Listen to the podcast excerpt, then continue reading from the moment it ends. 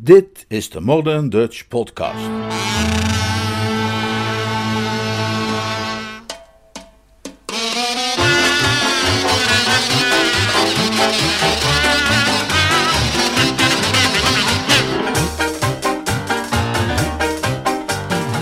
Geluk in de morgen. Een splinternieuwe vertaling van Joy in the Morning. Een Jeeves-roman van P.G. Woodhouse. Vertaald en voorgelezen door Leonard Beuger.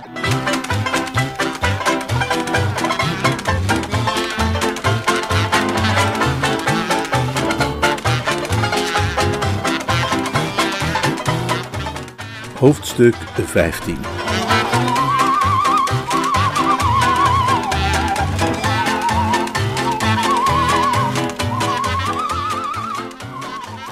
In de korte momenten voordat Boko ons in het oog kreeg en zich bij ons kringetje voegde, begon ik te mijmeren over onze vriend Clem en bedacht hoe anders dit alles voor hem moest zijn dan hij gewend was.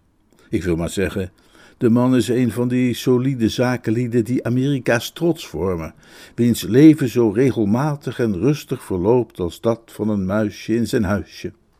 Tijdens mijn bezoeken aan New York had ik tientallen van zulke lieden ontmoet, dus ik kon me zonder problemen een typische klemdag voorstellen. S'morgens fris en vrolijk op, in zijn huis op Long Island.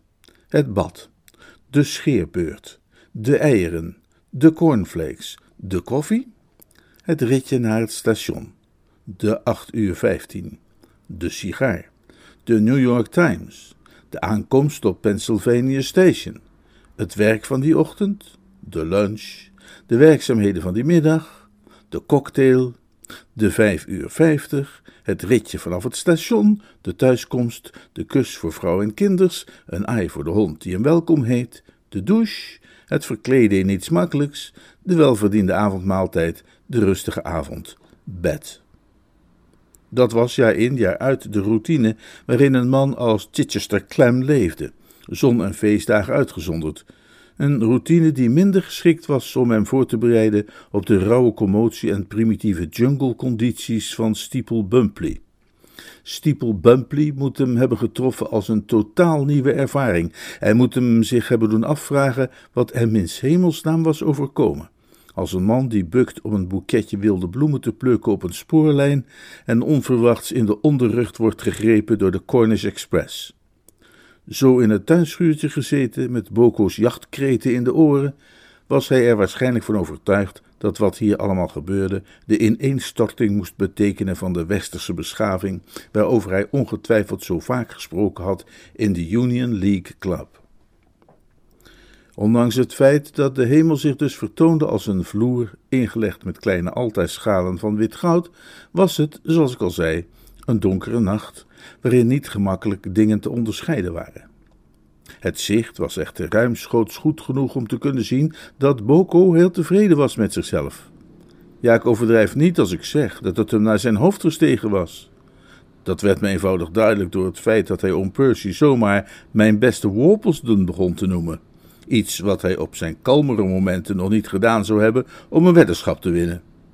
Ah, mijn beste Worplesdon, zei hij zodra hij mijn aangetrouwde verwant gezien en geïdentificeerd had. Zo, zo, nog op de been? Magnifiek, hoor, magnifiek.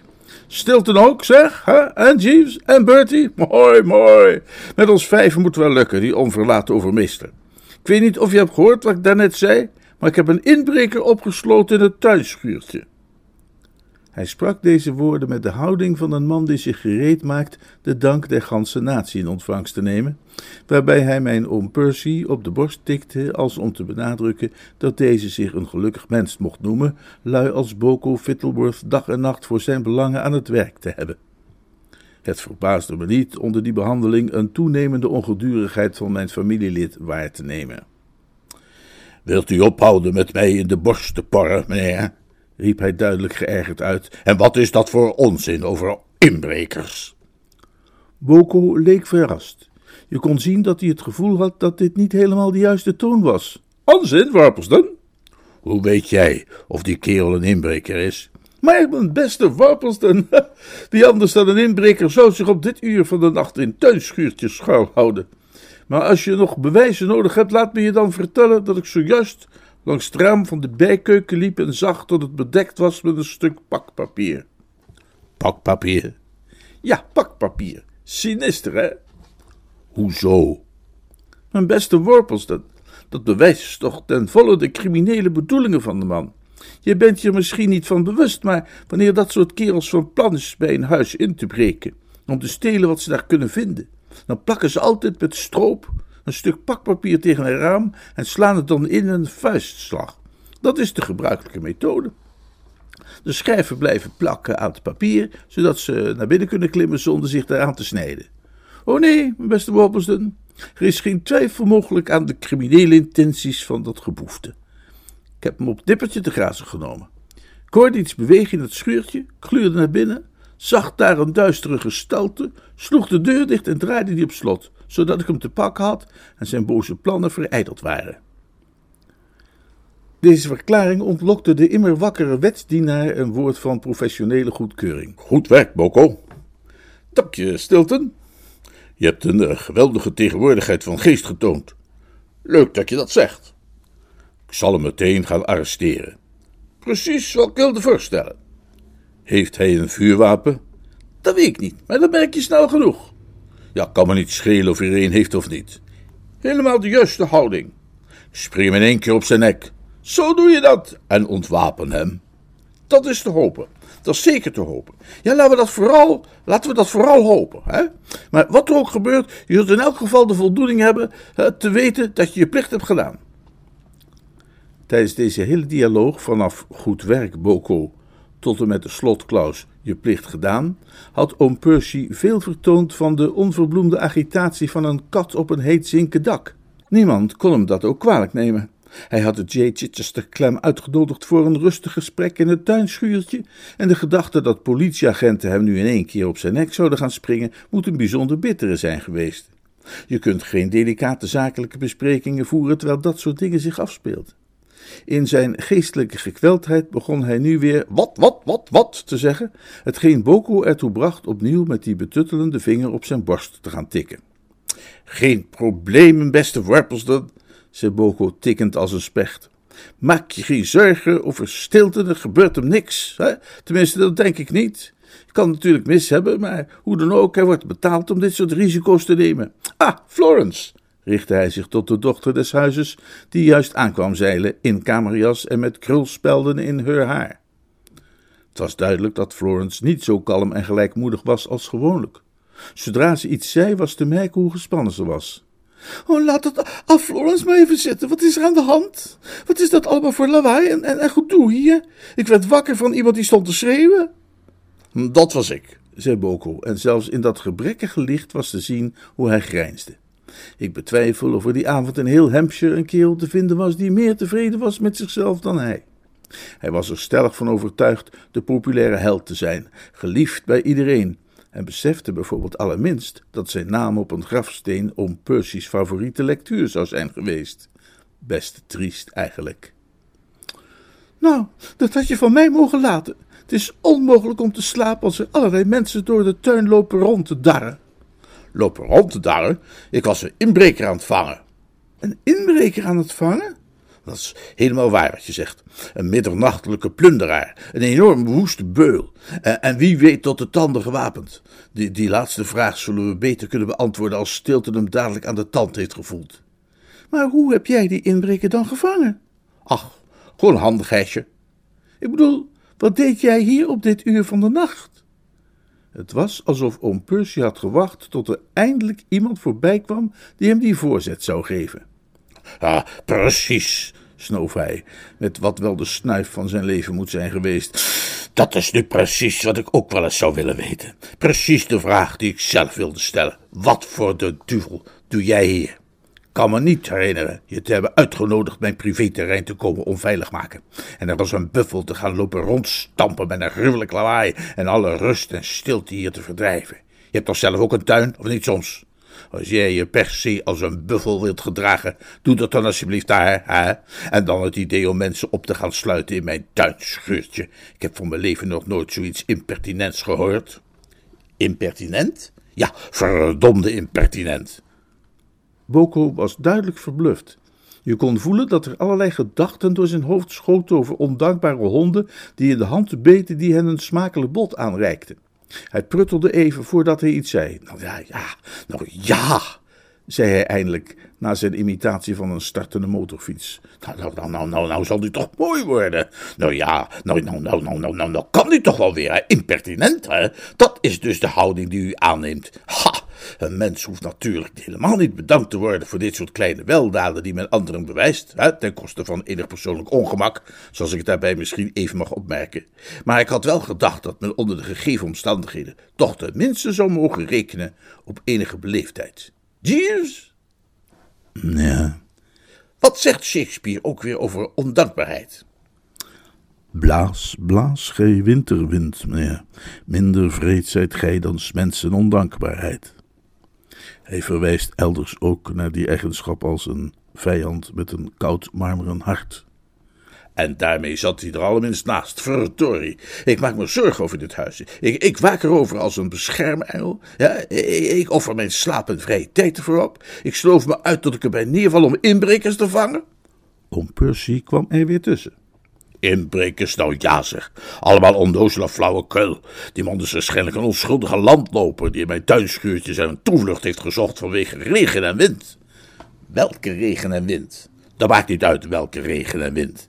Is helemaal geen regen en wind. Oké, oké. Het is een heerlijke nacht. Geen regen of wind te bespeuren. Oké, oké.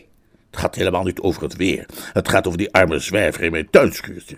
Ik zeg alleen maar dat het waarschijnlijk om een doodgewone dakloze zwerver gaat en ik weiger die ongelukkige kerel te vervolgen. Wat heeft hij voor kwaad gedaan? Hm? Al het getijsem uit de wijde omtrek loopt hier rond in mijn tuin alsof het hun eigen tuin is, dus waarom hij niet? Het is vrijheid, blijheid hier, verdomme. Daar lijkt het tenminste sterk op. Dus u denkt niet dat er een inbreker is? Nee, dat denk ik niet. Wopperston, je bent niet goed snik. Wat zeg je dan van dat pakpapier, hè? En van waar die stroop? Hoepel toch op met je stroop, krijg wat met je pakpapier. En hoe durf je me niet goed snik te noemen? Jeeves. Nou ja. Is tien shilling. Geef dat aan die arme kerel, laat hem gaan. Zeg tegen hem dat hij daar een warm bed en een fatsoenlijk avondmaal van kan betalen. Uitstekend, meneer. Boko slaakte een scherp, keffend geluid als een ontevreden hyena. En, Jeeves, zei hij, Nee. Als hij in dat warme bed ligt, stop hem dan vooral lekker in, hè, en zorg voor een warme krak. Uitstekend, meneer. Tien shilling, hè? Avondmaal. Potverdorie, warm bed, zakkerju. Echt, nu wordt het te gek, hoor, zei Boko. Ik trek mijn handen hier volledig vanaf. Dit is de laatste keer dat ik de hulp ben geschoten bij inbrekers in dit gekke huis. De volgende keer dat ze komen binnendrommen, krijgen ze van mij een schouderklopje. En zal ik de ladder voor ze vasthouden. Hij beende de duisternis in, een en al verontwaardiging. En ik kan niet zeggen dat het me erg verbaasde. De manier waarop een en ander was verlopen had zelfs de meest zachtaardige types tot verontwaardiging kunnen brengen. Laat staan een temperamentvolle jonge auteur, gewend om regelmatig bij zijn uitgever langs te gaan en razend uit te varen bij de minste provocatie. Maar hoewel ik zijn standpunt kon begrijpen, voelde ik mij treurig. Sterker nog, in feite kreunde ik inwendig. Het gevoelige Woesterhart was diep geraakt door het weinig soepel verloop van de historie der ware liefde tussen Boko en Nobby. En ik had gehoopt dat alle gedoe van vanavond zou hebben geleid tot een grondige verzoening met oom Percy en een daaruit voortvloeiend ontwarren van alle ingewikkeldheden. In plaats daarvan had onze impulsieve literator zich nog aanzienlijk lager op de lijst van favoriete wijnen en spiritualiën geplaatst zien worden dan ooit tevoren. Bij een weddenschap zouden zijn kansen om de toestemming van Nobby's voogd te verkrijgen tot nog toe misschien vier tegen één zijn geweest, maar nu zouden die nauwelijks nog uitkomen op 100 om 8. En zelfs tegen die genereuze koers betwijfel ik of een doorgewinterde gokker erin zou hebben geïnvesteerd. Ik vroeg me nog even af of het enig nut zou hebben als ik nog een ruststellend woordje toevoegde, maar dacht uiteindelijk toch van niet, toen er een zacht gefluit in mijn oren klonk, wat al dan niet de roep van de kleine kerkuil kon zijn, en zag iets vaags, maar onmiskenbaar vrouwelijks zich verroeren achter een boom in de verte. Daar alles erop leek te wijzen dat het Nobby was, trok ik mij terug uit de massa en glipte weg in haar richting. Mijn vermoeden was juist. Het was Nobby, ook in kamerjas, maar zonder krulspelden. Blijkbaar gebruik je die niet bij haar haarstijl. Ze borrelde van opwinding en van verlangen om het laatste nieuws te horen. Ik, ik wilde me niet bij die hele club voegen, zei ze nadat we wat heen en weer hadden geheidaard. Om Percy zou me trouwens naar bed hebben gestuurd, maar hoe gaat het, Bertie? Ik vond het vrij hartverscheurend het nieuwsgierige kind met slechte berichten te moeten confronteren, maar die pijnlijke taak kon niet worden vermeden. Nou, niet zo best, antwoordde ik somber. Zoals ik had voorzien kwam die mededeling nogal hard aan. Ze slaakte een treurige kreet. Niet zo best? Nee, niet zo, nee. Wat is er dan misgegaan? Ja, je kunt beter vragen wat er nog wel goed is gegaan. De hele onderneming was eigenlijk van begin tot eind een flop. Ze krijste fel en ik zag dat ze een onaangename, achterdochtige blik op me wierp. Ik neem aan dat jij jouw bijdrage hebt verprutst. Nou, niets van die aard. Ik heb alles gedaan wat de mens had kunnen doen. Maar er was sprake van een ongelukkige aaneenschakeling van omstandigheden, die ertoe leidde dat wat we hadden verwacht dat een rustig klusje voor ons tweeën zou worden, ontaarde in een massascène. We waren net lekker bezig toen de tuinen en opstallen eenziedende massa werden van oom Percy's, Stiltons, Florence's, Jeevessen en wat dan niet. Het maakt ons compleet onmogelijk te doen waar we voor gekomen waren. En het spijt me te moeten zeggen, maar Boko heeft zich daarbij niet bepaald van zijn beste kant laten zien. Hoe bedoel je? Hij bleef oom Percy maar mijn beste Worplesden noemen. En je kunt zo'n man niet blijven aanspreken met mijn beste Worplesden zonder dat er uiteindelijk iets knapt. Er volgden verhitte woorden, waarvan er nogal wat werden bijgedragen door Boko. Het pijnlijke tafereel eindigde ermee dat hij oom Percy niet goed snek noemde en zich omdraaide en er vandoor ging. Ik vrees dat hij daardoor nu lager bij je oom staat aangeschreven dan ooit. Ze kreunde zachtjes en ik overwoog heel even haar een aai over de bol te geven. Dat had evenwel niet veel nut, vond ik bij nader inzien, en liet het zitten. Ik had echt gedacht dat ik erop kon vertrouwen dat Boko zich deze keer nu eens niet voor gek zou zetten, mompelde ze met hevige spijt in haar stem. Nou, ik betwijfel of je er ooit op kunt vertrouwen dat een schrijver zich niet voor gek zal zetten, antwoordde ik ernstig. Jan Tori, hier krijgt hij voor op zijn kop van hoor, reken maar. Naar welke kant liep hij weg nadat hij zich had omgedraaid? Uh, ergens die kant op. Wacht maar tot ik hem vind, riep ze, jankend als een klein slag bloedhond, en was er als de wind vandoor. Het was twee tellen later, misschien drie, dat Jeeves aankwam glijden. Een onrustbarende avond, meneer. Ik heb Mr. Clem vrijgelaten. Ach, wat, Clem, Clem laat me koud. Over wie ik mij zorgen maak is Boko. Ah, juist, meneer. De stomme idioot om oom Percy zo van zich te vervreemden. Ja, meneer. Het is jammer dat de jonge heer zich niet verzoenender heeft gedragen. Hij is nu echt het haasje, tenzij jij een manier kunt bedenken om de breuk te helen. Ja, meneer. Ga hem zoeken, Jeeves. Ja, meneer. Overleg met hem. Ja, meneer. Span je grijze cellen tot het uiterste in om tot een oplossing te komen. Uitstekend, meneer. Je kunt hem ergens daar buiten vinden, in het stille duister. Nou ja, zo heel erg stil zal het ook wel niet zijn, want Nobby was op weg om hem te gaan vertellen wat ze van hem dacht.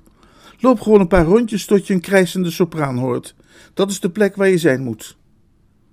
Hij verdween uit beeld volgens opdracht en ik begon wat te ijsberen onder zwaar gefrons van de wenkbrauwen. Ik liep een minuut of vijf zo te fronsen, toen er iets opdoemde in het verschiet en ik zag dat het Boko was die een terugwedstrijd kwam spelen.